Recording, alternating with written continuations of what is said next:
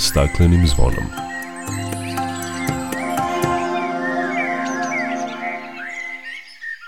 Dobar dan i dobrodošli na Zeleni talas prvog programa radija Radio Televizija Vojvodine. Ja sam Dragana Ratković. Već početkom meseca potrošili smo sve prirodne resurse za ovu godinu koje planeta može da proizvede ili obnovi i ušli smo u ekološki dug.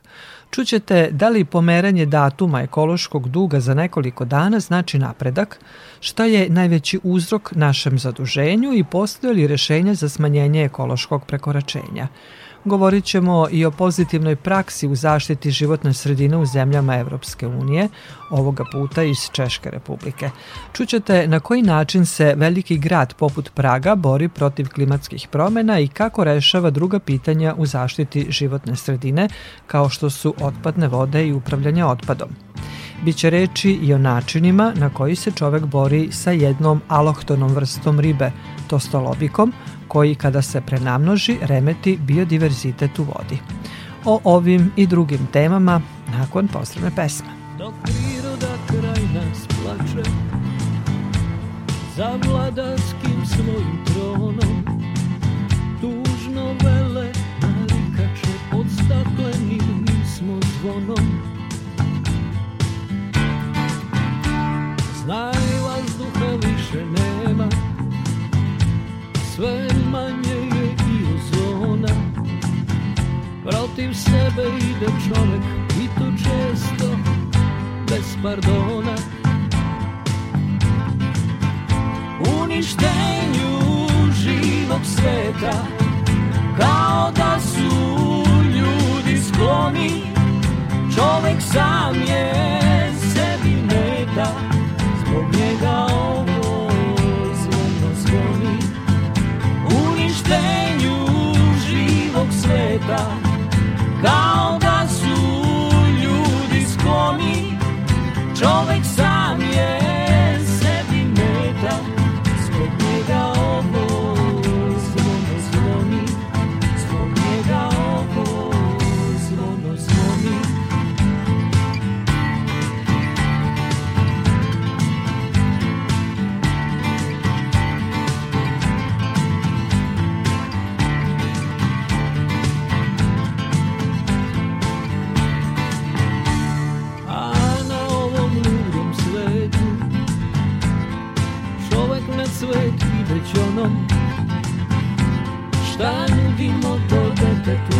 pod staklenim kad smo zvonom.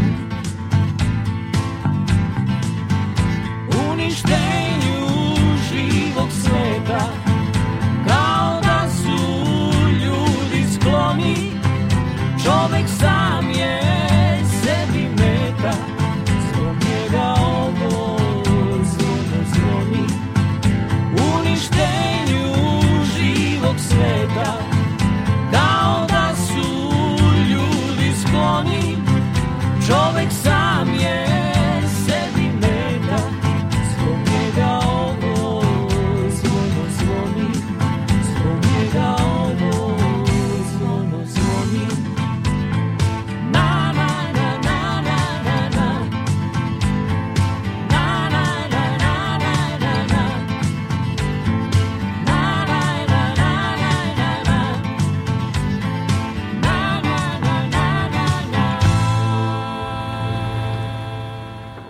Ovogodišnji dan ekološkog duga je 2. avgust. To je dan kada smo potrošili sve prirodne resurse za godinu dana koje planeta može da proizvede ili obnovi.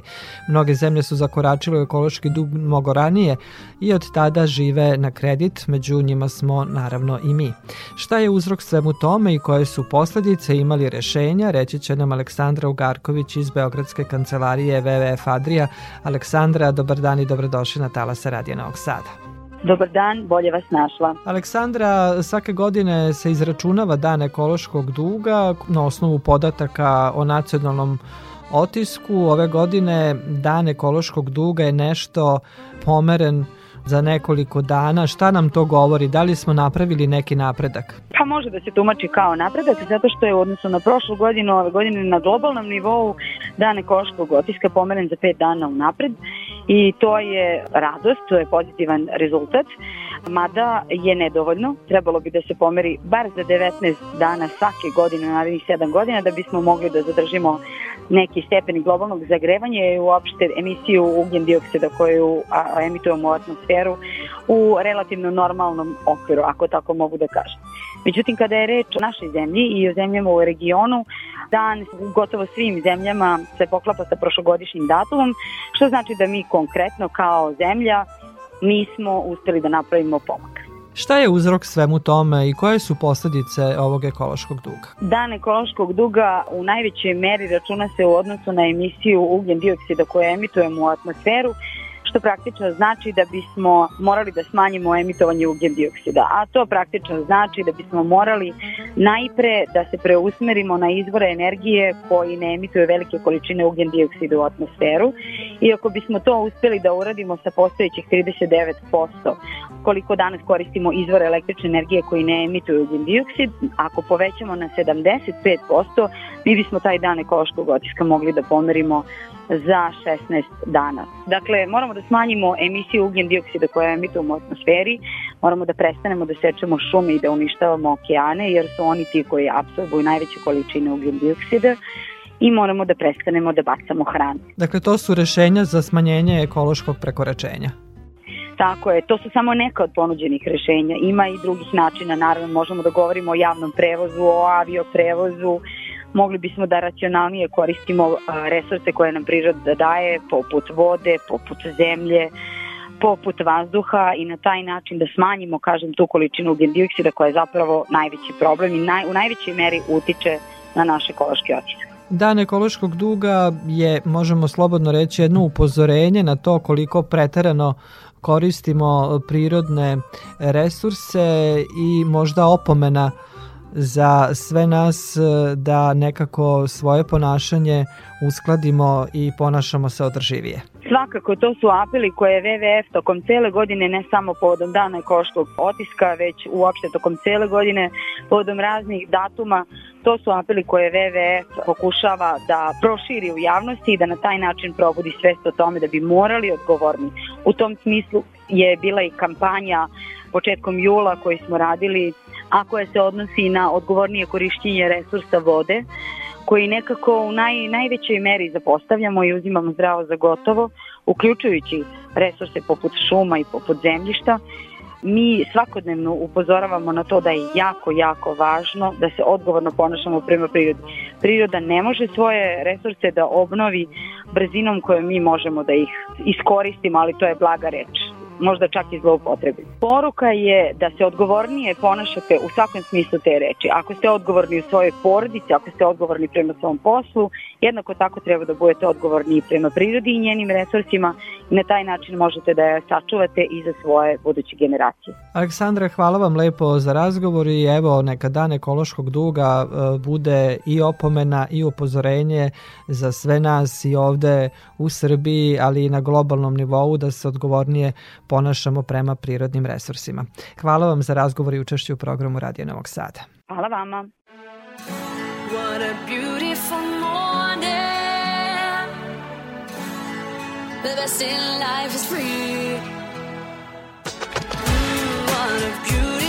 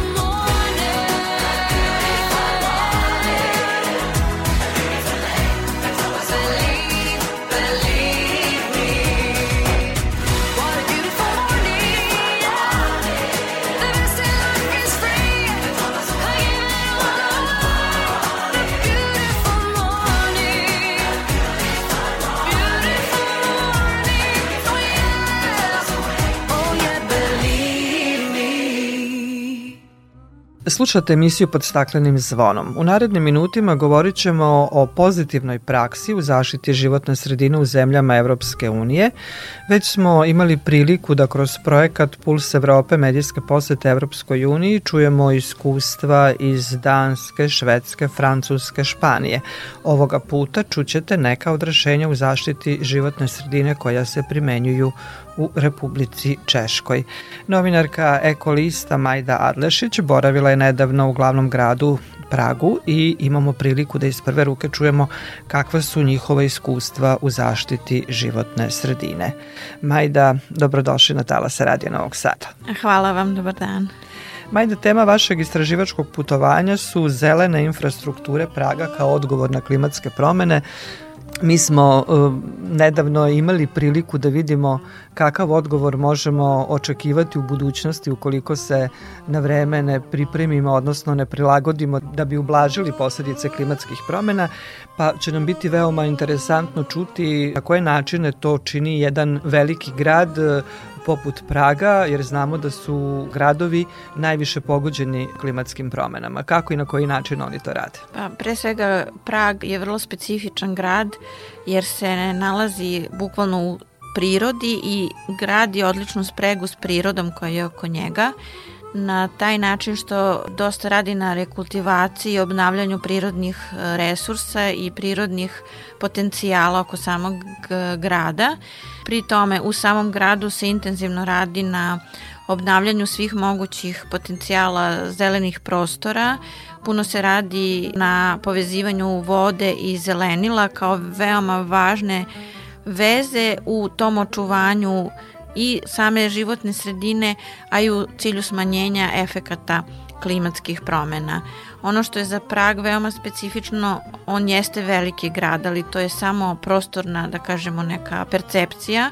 On nema veliki broj stanovnika za metropolu, to je nekih milioni sedamsto hiljada stanovnika, ali, ali je veoma, veoma rasprostranjen, ali ima ogroman priliv turista i to je turizam koji je intenzivan tokom čitave godine. Tamo je intenzivan priliv turista koji dolaze različitim prevoznim sredstvima, imaju različite navike i imaju veoma izražene potrebe i intenzivne modele kretanja. Pored toga, Prag je grad sa ogromnim potencijalom prirodne i kulturne baštine koju želi po svaku cenu da sačuva, jer tu zaštita ide do UNESCO i naravno nacionalna zaštita, ali pre svega zbog UNESCO-ve zaštite oni imaju ogromnu obavezu u očuvanju tog grada.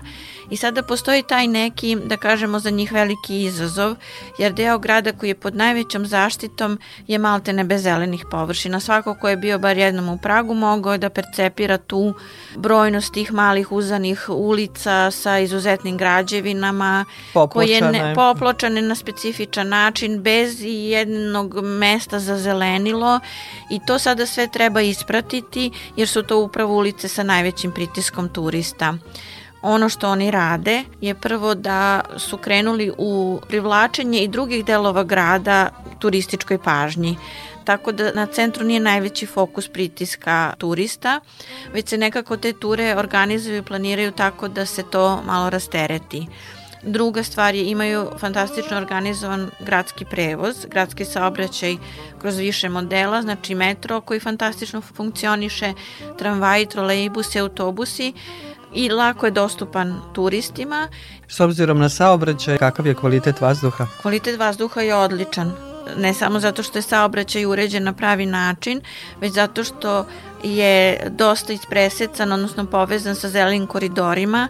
Svaka malo više intenzivno opterećena transportna linija je okružena zelenilom, drvoredima, travnjacima, malim parkovskim celinama, blokovskim celinama zelenila.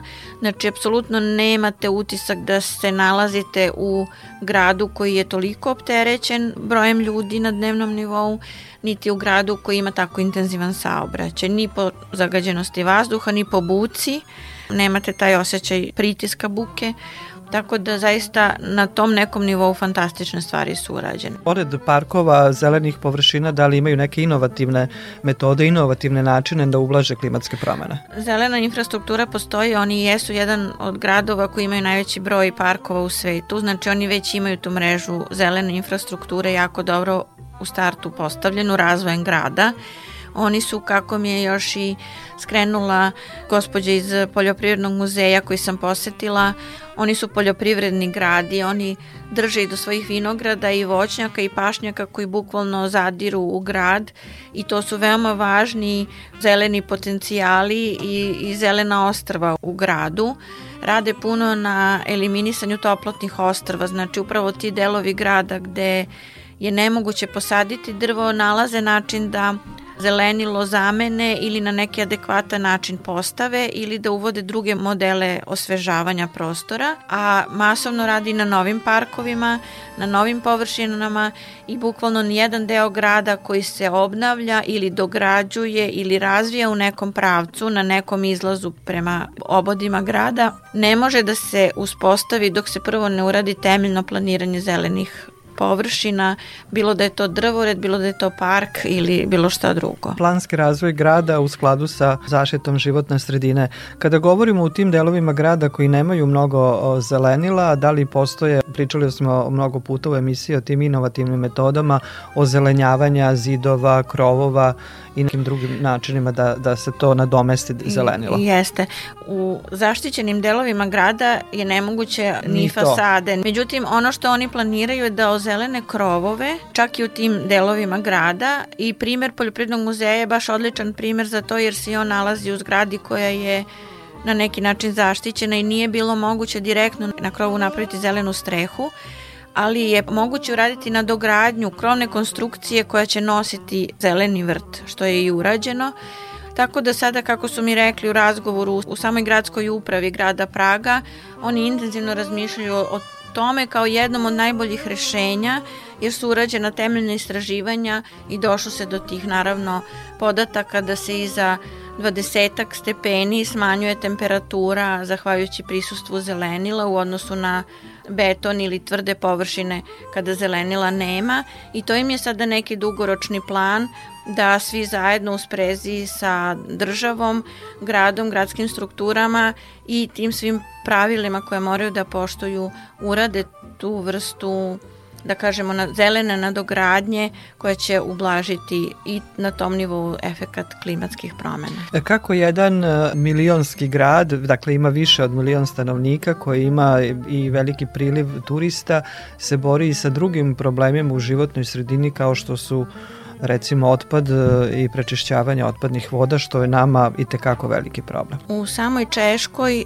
prečišćavanje otpadnih voda je još uvek dosta bolna tačka, pogotovo u mestima izvan e, centra, dislociranim mestima, a gde postoji veliki pritisak industrije, oni su ipak jedna jako razvijena industrijska zemlja koja je svoju industriju i sačuvala i razvijala tokom svih ovih godina Otpadne vode su bolna tačka iz razloga jer su godinama ta industrijska postrojenja bila u sprezi sa određenim političkim strukturama. O tome sam razgovarala sa kolegom iz Češkog ekolista i oni su uradili neka istraživanja i pratili neke aktivnosti da bi uspeli nekako da spreče ispuštanje tih industrijskih otpadnih voda u njihove reke koje su njima jako važne. A kako, obzirom da su zemlja u Evropskoj uniji, primen evropskih direktiva, direktiva. i kako to izgleda na delu? Pa to je zanimljivo da oni uprko svemu tome su imali taj problem godinama, sada je to dovedeno u red, znači nova prosto politička struktura je uvela red na pravi način i sada je to potpuno pod kontrolom. Prag ima i kvalitetnu pijaću vodu iz česme, znači gde god se nađete možete da pijete. Ima regulisan sistem otpadnih voda, znači Vltava je čista, kao i druge reke u okruženju, tako da je i taj pogon se nalazi isto maltene u, u gradu, tako da je to sada dovedeno potpuno u red, ali su imali godinama unazad problem sa tim.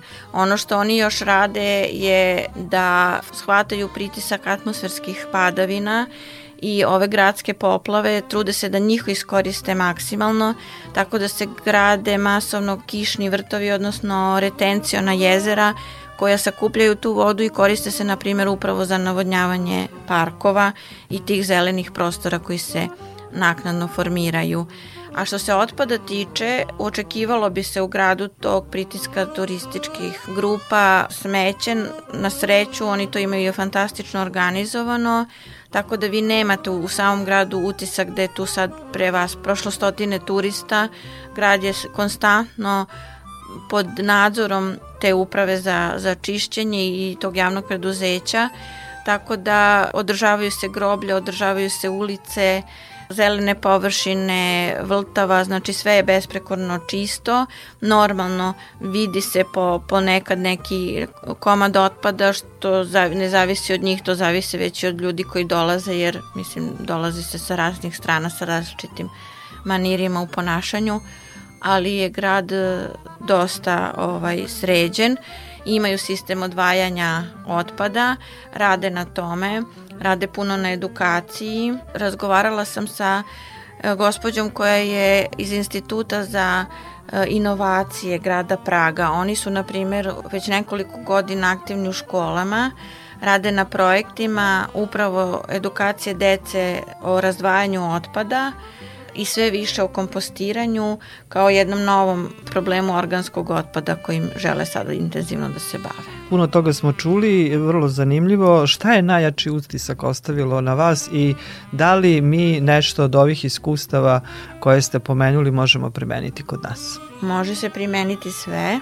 samo što ja uvek kažem, uvek je neophodna dobra volja i dobra komunikacija svih struktura, ona se ovde definitivno vidi. Ono što je ostavilo na mene najveći utisak je spremnost svih struktura da na najbolji mogući način učine sve da se popravi situacija u gradu. Znači, veruju nauci, veruju svojim gradskim vlastima, jer e, slede ono što se od njih traži i prate ono što ovi rade. Imaju dobru komunikaciju na tom nivou dobro upravljaju turističkim zahtevima, a ne ugrožavaju svoj grad. Održivi da, razvoj na grada. Na najodrživi način grada i ono što je jako bitno, poštuju vrednosti svog grada. Znači ne utiču na ono što je kulturna i prirodna baština, naprotiv, potenciraju je time što rade na njenom očuvanju.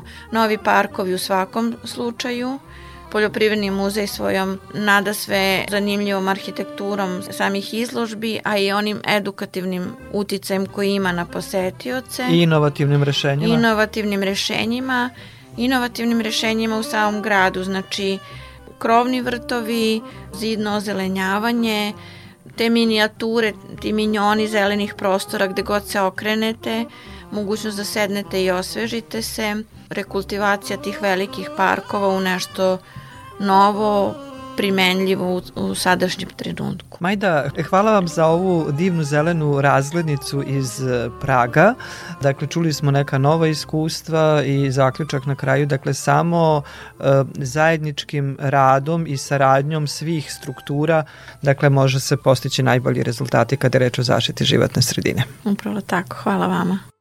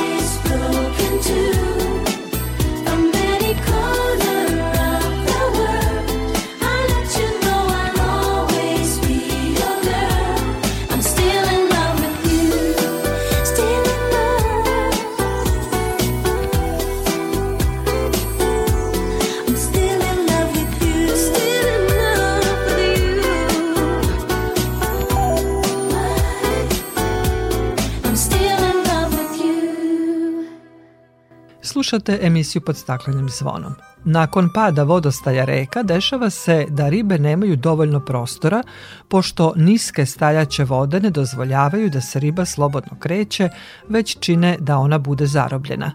Akcije spasavanja ribe i riblje mlađe na Dunavu i Savi i njihovo premeštanje u glavne rečne tokove ovih reka organizuje javno preduzeće Vojvodina šume koja upravlja pojedinim ribolovnim područjima. Akcija spasavanja ribe i riblje mlađe organizovana je prvo u specijalnom rezervatu prirode Obetska bara, a pre nekoliko dana i u specijalnom rezervatu prirode Gornje Podunavlje u Apatinskom ritu. U akciji je učestvovao direktor javnog preduzeća Vojvodina šume Roland Kokaj. Glavna hidrološka karakteristika Dunava je velika oscilacija vodostaja, što u najvećoj meri utiče na ribi fond, a visina vodostaja, odnosno koliko voda se akumulira i zadržava u razlive reke Dunav, ima ključni uticaj na produkciju riba, pošto je vodostaj opao, bila je neophodna intervencija ribočuvarske službe javnog preduzeća Vojvodina šume, spašavamo rimlju mlađ i uz pomoć jedne mobilne cisterne ćemo ga ih premestiti u Dunav. Ovo je druga akcija, prošle nedelje je bilo na Obetskoj bari, za koji dan ćemo imati istu akciju na Kovinsko-Petrovalinskom ritu i ova akcija će se nastaviti i u buduće tokom leta. I u nastavku emisije govorimo o nastojanjima da se sačuva održivi biodiverzitet naših voda uz intervenciju čoveka. Naime, jedna od alohtonih vrsta riba koja potiče sa dalekog istoka, a nekoliko desetina godina naseljava i vode Podunavskog sliva, jeste sivi tostolobik. Hrani se isključivo zoo i fitoplanktonima i to u velikoj količini i u ranijem uzrastu ne predstavlja opasnost za ostale vrste riba i živi svet u vodi.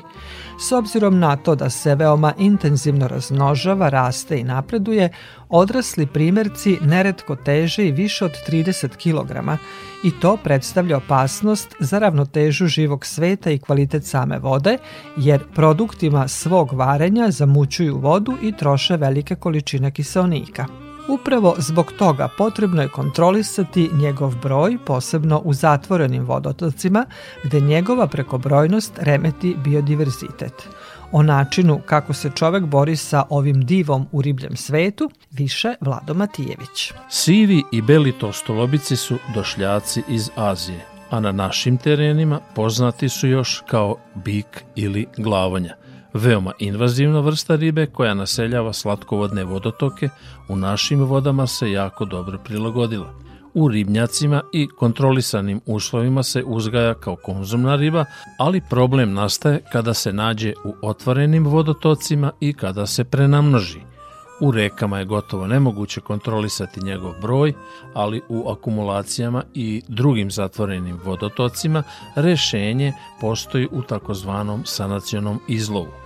U takvim sistemima jata krupnih tolstolobika znaju da svojom pojavom rastaraju ostale ribe i pomere ih sa njihovih uobičajenih staništa. Upravo jedna od sanacionih akcija ovoga tipa nedavno je sprovedena na jezeru Provala u opštini Bač i rečici koja nema prirodni oticaj, a to je Berava u atarima sela Vajska, čineći jedan zatvoren ekosistem. Tim povodom razgovarali smo sa stručnjakom u Ribolovačkom savezu Vojvodine, referentom ribarstva Ljubomirom Pejčićem, koji je činio deo ekipe u organizaciji ove akcije, a inače su korisnici i čuvari ovih voda. Čuli smo da ste radili neki sanacioni izlov gore na Živi i Beravi, pa sam preko mojih insajdera, prijatelja i pecaroša saznao da je bilo prilično uspešno, pa bih želio da čujemo iz prve ruke, prvo da krenemo o, o biodiverzitetu samom, kakav je uticaj prekomernog broja tostolobika na vodeni biodiverzitet? U svakom slučaju je, je negativan, posebno kada se nalazi u, u većim ovaj, količinama, što je često sa slučaj na našim vodama, pogotovo na, na otvorenim vodama. Postoje nekad, da kažem, dva glavna problema. Prvi i osnovni problem je to stolobih se hrani planktonom, ovaj, a znamo da je plankton e, osnovna hrana za većinu riblje mlađi, mlađi većine vrsta, a za neke i do kraja života je o, značajan deo ishrane i kada je to stolobik u prekomernom broju, ovaj, prosto se smanji ta hranidbena baza, nema dovoljno hrane za ostale vrste riba. E sad, tostolobik je u, u nekoj manjoj količini pod kontrolisanim uslovima može da bude koristan na zatvorenim vodama, o, akumulacijama pre svega, e, da se malo uspori starenje tih voda u smislu da se izvuče deo biomase ovaj, koje je tu višak, višak nutrijenata koji izazivaju probleme, ovaj, organsko opterećenje ali to isključivo ako se u određenoj količini da se izlovi najveći deo tih riba u nekom određenom uzrastu. Prosto ne valja kad te ribe prerastu preko 10-15 kg, ne ugrađuju tu biomasu kroz ishranu efektivno kao kad su u tom manjem uzrastu, uslovno rečeno manjem i to su velike ribe. I e, mogu da budu korisni kada su nekoj manje količini poribete e, stajačice pre svega akumulacije, ali da se efikasno kroz nekoliko godina kad dostignu tu veličinu izlove često slučaj da se te ribe da li slučajno, da li namerno puste i onda se puste da narastu na 20, 30, 40 pa i 50 kg i one više ne, ne, ne vrše efikasno tu svoju ulogu potencijalnu biomanipulacije koja bi koja može da pomogne u, ovaj, u održavanju tih voda malo kvalitetnije. U otvorenim vodama je o, još veći problem, e, tu još veća brojnost. Znamo kako je na Dunavu, Savi i Tisi da ih ima ogromnim količinama, međutim za razliku od zatvorenih voda tu jako teško mogu da se uh, izlove. Kako bi se moglo rešiti tu recimo u Šodrošu je zatvoren prilično vodotok pa bi se tu možda mogao uraditi izlov sanacioni? tu i ne bi, ne bi bio toliki problem, ono, Sentoguskog prolaza i zavisnosti od vodostaja, ali u ovom periodu bi to moglo da se, ili na, na jesen kad je još nizak vodostaj, isto kao bilo koje da zatvoreno ovaj, vodi bi moglo to da se odradi privremeno da bi se rešio ovaj problem, to je moralo bi svake godine da se izlovljava, jer on iz Dunava ulazi uh, svake godine po većem vodostaju. Na živi nismo radili, zato što ni, ni, nismo detektovali nikad je rađen monitoring pre dve godine, a ni ribolovci ne prijavljuju, ovaj, niti smo mi primetili prilikom rada samo da, da je živi ima to stolobika, međutim u Berevi ga ima u jako velikoj količini, to je neko, da kažem, vjerojatno poribljavanje na crno od nekog perioda ranije, ovaj, kad mi nismo upravili tom vodom, jezero Provala koje se nalazi u blizini ovaj, Berave, tu nije bila velika količina, ali su bile baš velike ribe, uspeli smo 11 komada da, da, da, da izvodimo, od, najveća riba bila preko 54 kg. To radi se da, o sivom tostolobiku, je li tako? Sivi tostolobik, da. da. Mada sam Sivi ja vidio tostolobik. nekih crvenih kao koji šarani onako. Tako da je, to, to je samo da kažem mutacija, to je tim, tim zlatnim, ljudi pogrešno to zovu albino, nije albino kad nema uopšte pigmentaciju, njemu da. fali crni pigment, tako da dođe da izraže ta zlatna boja, crvena, naranđasta, kako god, tako da je to zlatna forma uh, tostolovika. To je relativno česta pojava kod citrinida, košaranskih vrsta, tako da imamo to da se dešava i kod drugih vrsta da se pojavljaju takvi primjerci. Na beravi je bilo je u, u velikoj količini ima to stolobika i te ribe su u proseku oko 20 kg. Znači najveća je na beravi koja je ulovljena oko 27 kg, a prosek je tu negde 20-20 i nešto kilograma bio. I to se nalazi na desetini stotine primjeraka. Mi smo uh, izlovili na, na beravi negde oko možda nešto malo manje dve tone. I, i pritom je još ostalo dosta ribe, morat ćemo najvjerojatnije da ponovimo na jesen.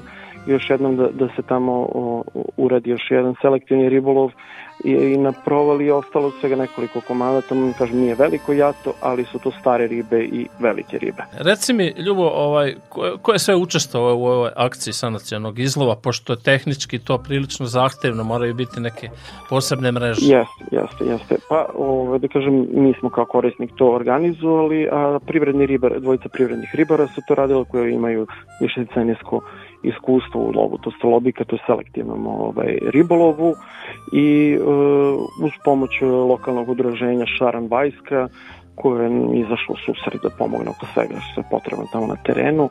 Čini mi se da sam vidio na nekim sjednicama da je bio Braša, naš ovaj poznati. Jeste, jeste, jeste tu iz ovaj, Da. Begeča. Da li su u planu neke slične akcije sanacionog izlova, kao što je, na primjer, pre koju godinu bilo na Paliću, kada je više tona babuške izvađeno iz jezera? Mislim da se to na Paliću, tu mi nismo korisnici, ali da se to radi u kontinuitetu već nekoliko godina, svake godine se ponavlja. Ove, tako da pretpostavljam na Paliću i dalje da ide ta akcija izlova uh, babuške. A mi na jesen planiramo uh, a, na Dorjanu da ovaj, tamo takođe ima veća količina postolobike i pošto tamo postoji pumpa koja pumpa vodu direkt iz Tise, tu se vjerojatno konstantno upumpava mlađ koja, koja ima u Tisi, tako da tamo uvek ima e, postolovika, ta- tako da ćemo probati da, da, da izlovimo dobar deo te ribe, da se smanji brojnost u toj akumulaciji. A, takođe, kažem, i na Beravi ćemo ponoviti najvjerojatnije tu akciju zato što je ostala ovaj, Krupna riba. u najmanju ruku je ostalo još toliko ribe koliko smo ovaj, izlovili. A šta je učinjeno sa izlovom? Riba se prodaje i ta sredstva se koriste za ulaganje u, u rad e, ribočuvarske službe ili za poribljavanje i sli, ono, znači te redovne stvari kojima se mi bavimo. Ljubo, hvala ti što si govorio za prvi program radija, radio televizije Hvala i vama. Vojvodine i želim vam puno sreće i uspeha u daljem radu Ribolovačkog saveza Vojvodine. Hvala vam, Hvala i prijatno. prijetno.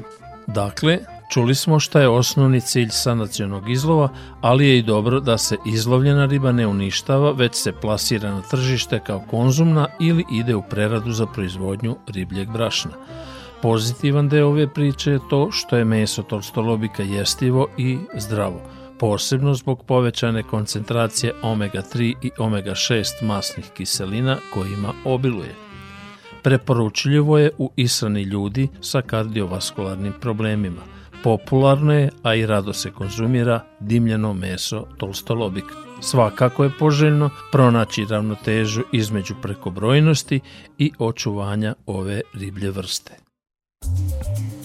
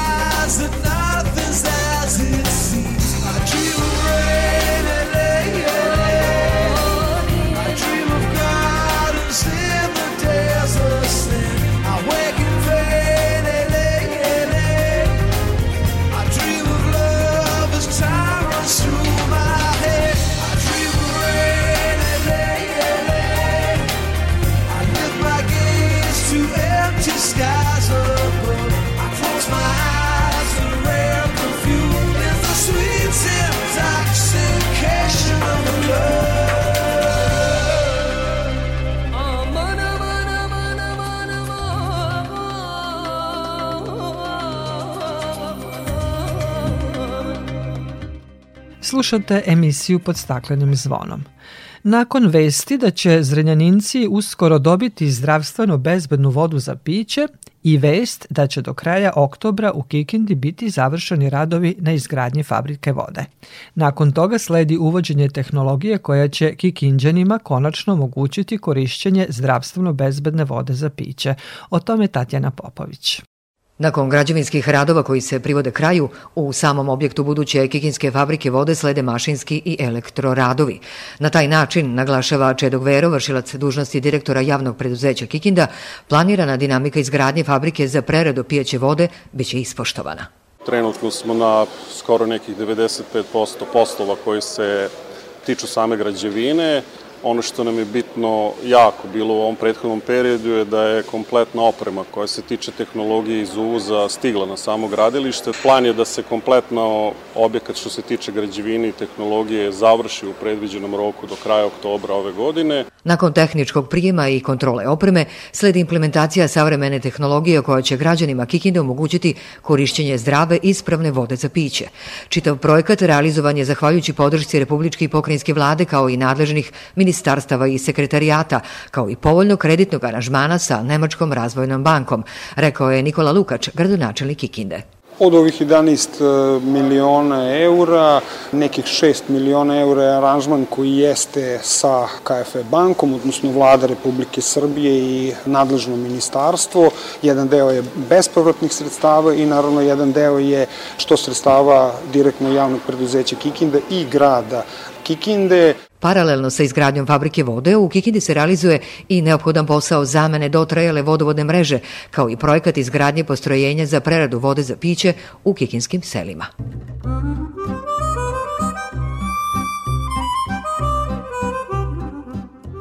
Kada je voda za piće u pitanju iz Subotice stižu lepe vesti.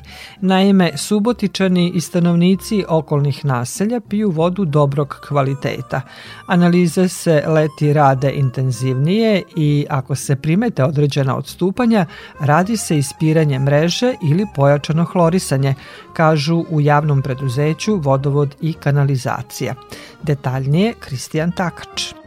Samo u julu mesecu u laboratoriji nadležnog javnog komunalnog preduzeća i u laboratoriji Zavoda za javno zdravlje u Subotici urađeno je više od 300 analiza kvaliteta vode iz uzoraka koji su uzeti sa teritorije čitavog grada. Dešava se, kažu, da zbog visokih temperatura dođe do pogoršanja mikrobiološkog kvaliteta, ali se tada pojačava koncentracija klora u sistemu. Za Radio Novi Sad govori Petar Pižurica, izvršni direktor za sektor kvaliteta. Javlja se nekad i fizičko-hemijski promena, odnosno promena u boji ili nečemu, tada isto vršimo ispiranje, radimo prolećna jesenja ispiranja i korisnike isto zamolimo da nam jave ukoliko dođe do bilo kakvih promena. Ali kvalitet vode je dobar, U dogovoru sa lokalnom samupravom na teritoriji grada se osim vode u samom sistemu tokom leta intenzivnije kontrolišu javne česme, kojih ukupno ima 29 kvalitet vode se a, na njima kontroliše barem jednomesečno, mada u letnjem periodu je to i češće. A, kada se javi bilo kakva promena, zaustavlja se rad te česme dok se ne dobije dobri rezultati. Od tih 29 trenutno ima dve česme koje su isključene, ali su one doteraju se njihov kvalitet vode i očekujemo da se uskoro puste u rad. Sagovornik RTV-a ističe da vode u Subotici ima dovoljno i da nisu imali većih problema zbog povećane potrošnje u letnjem periodu. Pižurica poručuje građanima da se, ukoliko uoče bilo kakav problem, jave putem maila ili telefona dežurnoj službi kako bi se taj problem rešio u što kraćem roku.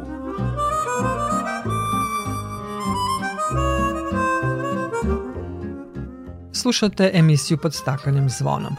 Krajem juna u Vršcu je otvorena prva ekoteretana. Sprave su napravljene od drveta koje je izvučeno iz Save i to tako da od njega nije ostao apsolutno nikakav otpad. Nedavno je otvorena još jedna takva teretana i na Zlatiboru. Više o ovom projektu čućemo od Alme Kovčić. Prva ekoteretana u Srbiji otvorena je nedavno na Gradskom jezeru u Vršcu. Ovo jedinstveni prostor za rekreaciju ima 12 prava za vežbanje napravljenih od drveta koje je nekada plutalo rekom Savom.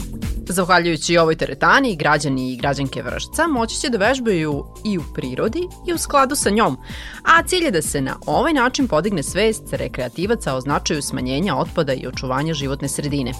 Iza ovog projekta stoji Centar za unapređenje preduzetništva mladih koji je teretanu napravio uz podršku UNDP-a, a Radmila Đurković iz Centra za unapređenje preduzetništva mladih nam otkriva kako se rodila ideja o ovom poduhvatu. Naime, Marko je došao na ideju e, da bi svo to drvo koje se zadržava u priobalju i stvara ogroman ekološki problem, a, mogao nekako da iskoristi, a pošto već 20 godina profesor sporta a, i ima svoj klub i bavi se ovaj, sportistima i rekreativcima, onda je odlučio da kreira a, sprava drveta. Radmila kaže da su drvo sami vadili iz reke. U početku su izlazili čamcima prijatelja, a zatim su im se pridruživali i brojni dobrovoljci, spasioci, volonteri, sportisti. Čamcima su se odvozili do mesta na kojima se otpad skuplja i kanapima izvlačili debla koja su kasnije sušili i obrađivali. To drvo, pošto je mokro u reci, ono se najpre nosi u sušaru. A, suši se do određene temperature i nakon toga se u poluručnoj, odnosno pola ručnoj, pola mašinskoj izvedbi od korava, znači skida se kora i dolazi se do zdravog drveta, onog svetle, drvo, drvo svetle boje i onda se, e, dakle, takvo drvo skraćuje i oblikuju takozvane one, hajde da kažemo, oblice od kojih se sprave e, sklapaju. Od kore koje skinemo i od delova koji su suvišni, od njih e, u mašini pravimo malč. Malč je podloga za naše ekoteretane. Od drveta koje je plutalo Savom u vršcu napravljeno je 12 sprava i pomagala za vežbanje. Tu su klupe za istezanje, benč, mrtvo dizanje, tu su i dodatni tegovi za otežavanje svake od sprava, kao i redovni tegovi od 5, 10 i 15 kg. Miroslav Tadić, vođa tima za životnu sredinu i klimatske promene u UNDP-u, otkriva nam u čemu se zapravo krije značaj ovakvih projekata. Pa važnost e, tih e, takvih ideja zapravo je ovaj, u tome što oni predstavljaju zapravo dobre primere kako, ovaj, na koji način možemo zapravo da a, optimizujemo korišćenje resursa a, na jedan drugačiji način da posmatramo zapravo a, korišćenje prirodnih resursa i a, sistem uprave, u kontekstu upravljanja otpadom. Miroslav dodaje da su upravo projekti poput ekoteretane dobri primjeri cirkularne ekonomije i kada bi se ti modeli primenili na primjer u privredi, to bi značajno doprinelo zelenoj transformaciji. Osim toga, ozbiljno bi se smanjila količina otpada na deponijama, pa i potreba za izgradnjom deponija uopšte, što je tendencija na nivou Evropske unije. Javni poziv za inovativne predloge projekata u okviru zelene agende otvoren je tokom čitave godine. Na sajtu EU za tebe u okviru javnih poziva možete pronaći sve informacije i svi koji su zainteresovani za ekološke projekte mogu da se jave sa svojim zelenim idejama. UNDP dobrim idejama pruža tehničku podršku za razvoj ideja u zrele projekte, a onim najboljim daje određena sredstva za implementaciju projekata kao što je to bio slučaj sa ekoteretanom.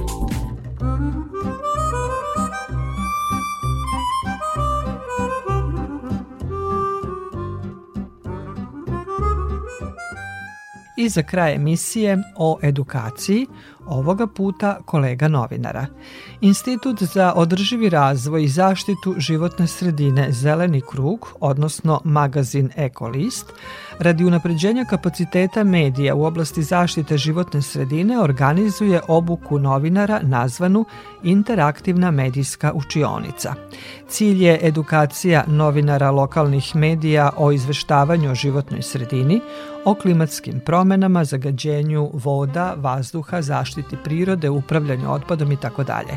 Projekat koji podržava Journalism Found Europe realizuje se od 1. avgusta do 30. novembra i obuhvata četiri segmenta edukacije o ovim temama i novinarskim veštinama.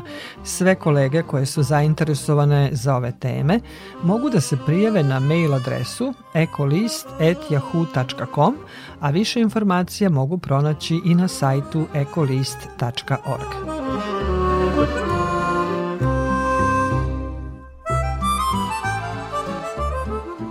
Toliko u ovom izdanju emisije pod staklenim zvonom koju možete slušati i odloženo na podcastu Radio Televizije Vojvodine na adresi rtv.rs. Emisiju realizovali Jovan Gajić, Maja Tomas i Dragana Ratković. Naredni susret zakazujemo za sedam dana u isto vreme na zelenom talasu prvog programa radija Radio Televizije Vojvodine.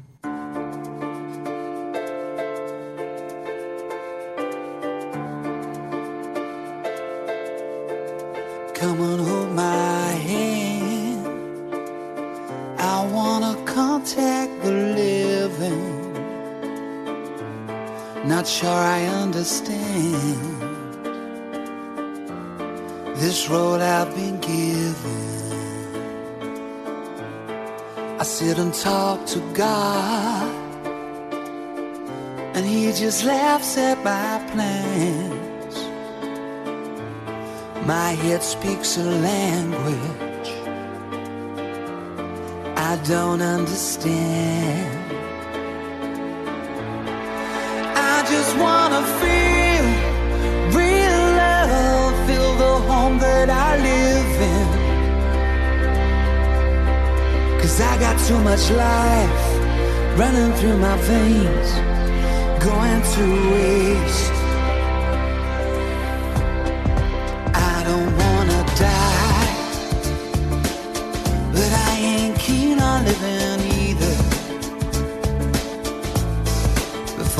fall in love,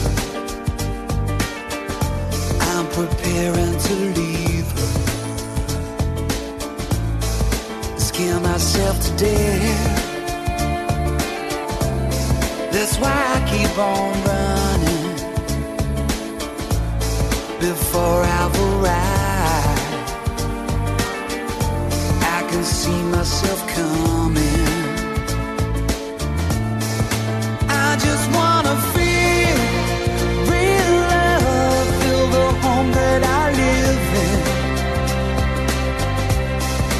Cause I got too much life running through my veins,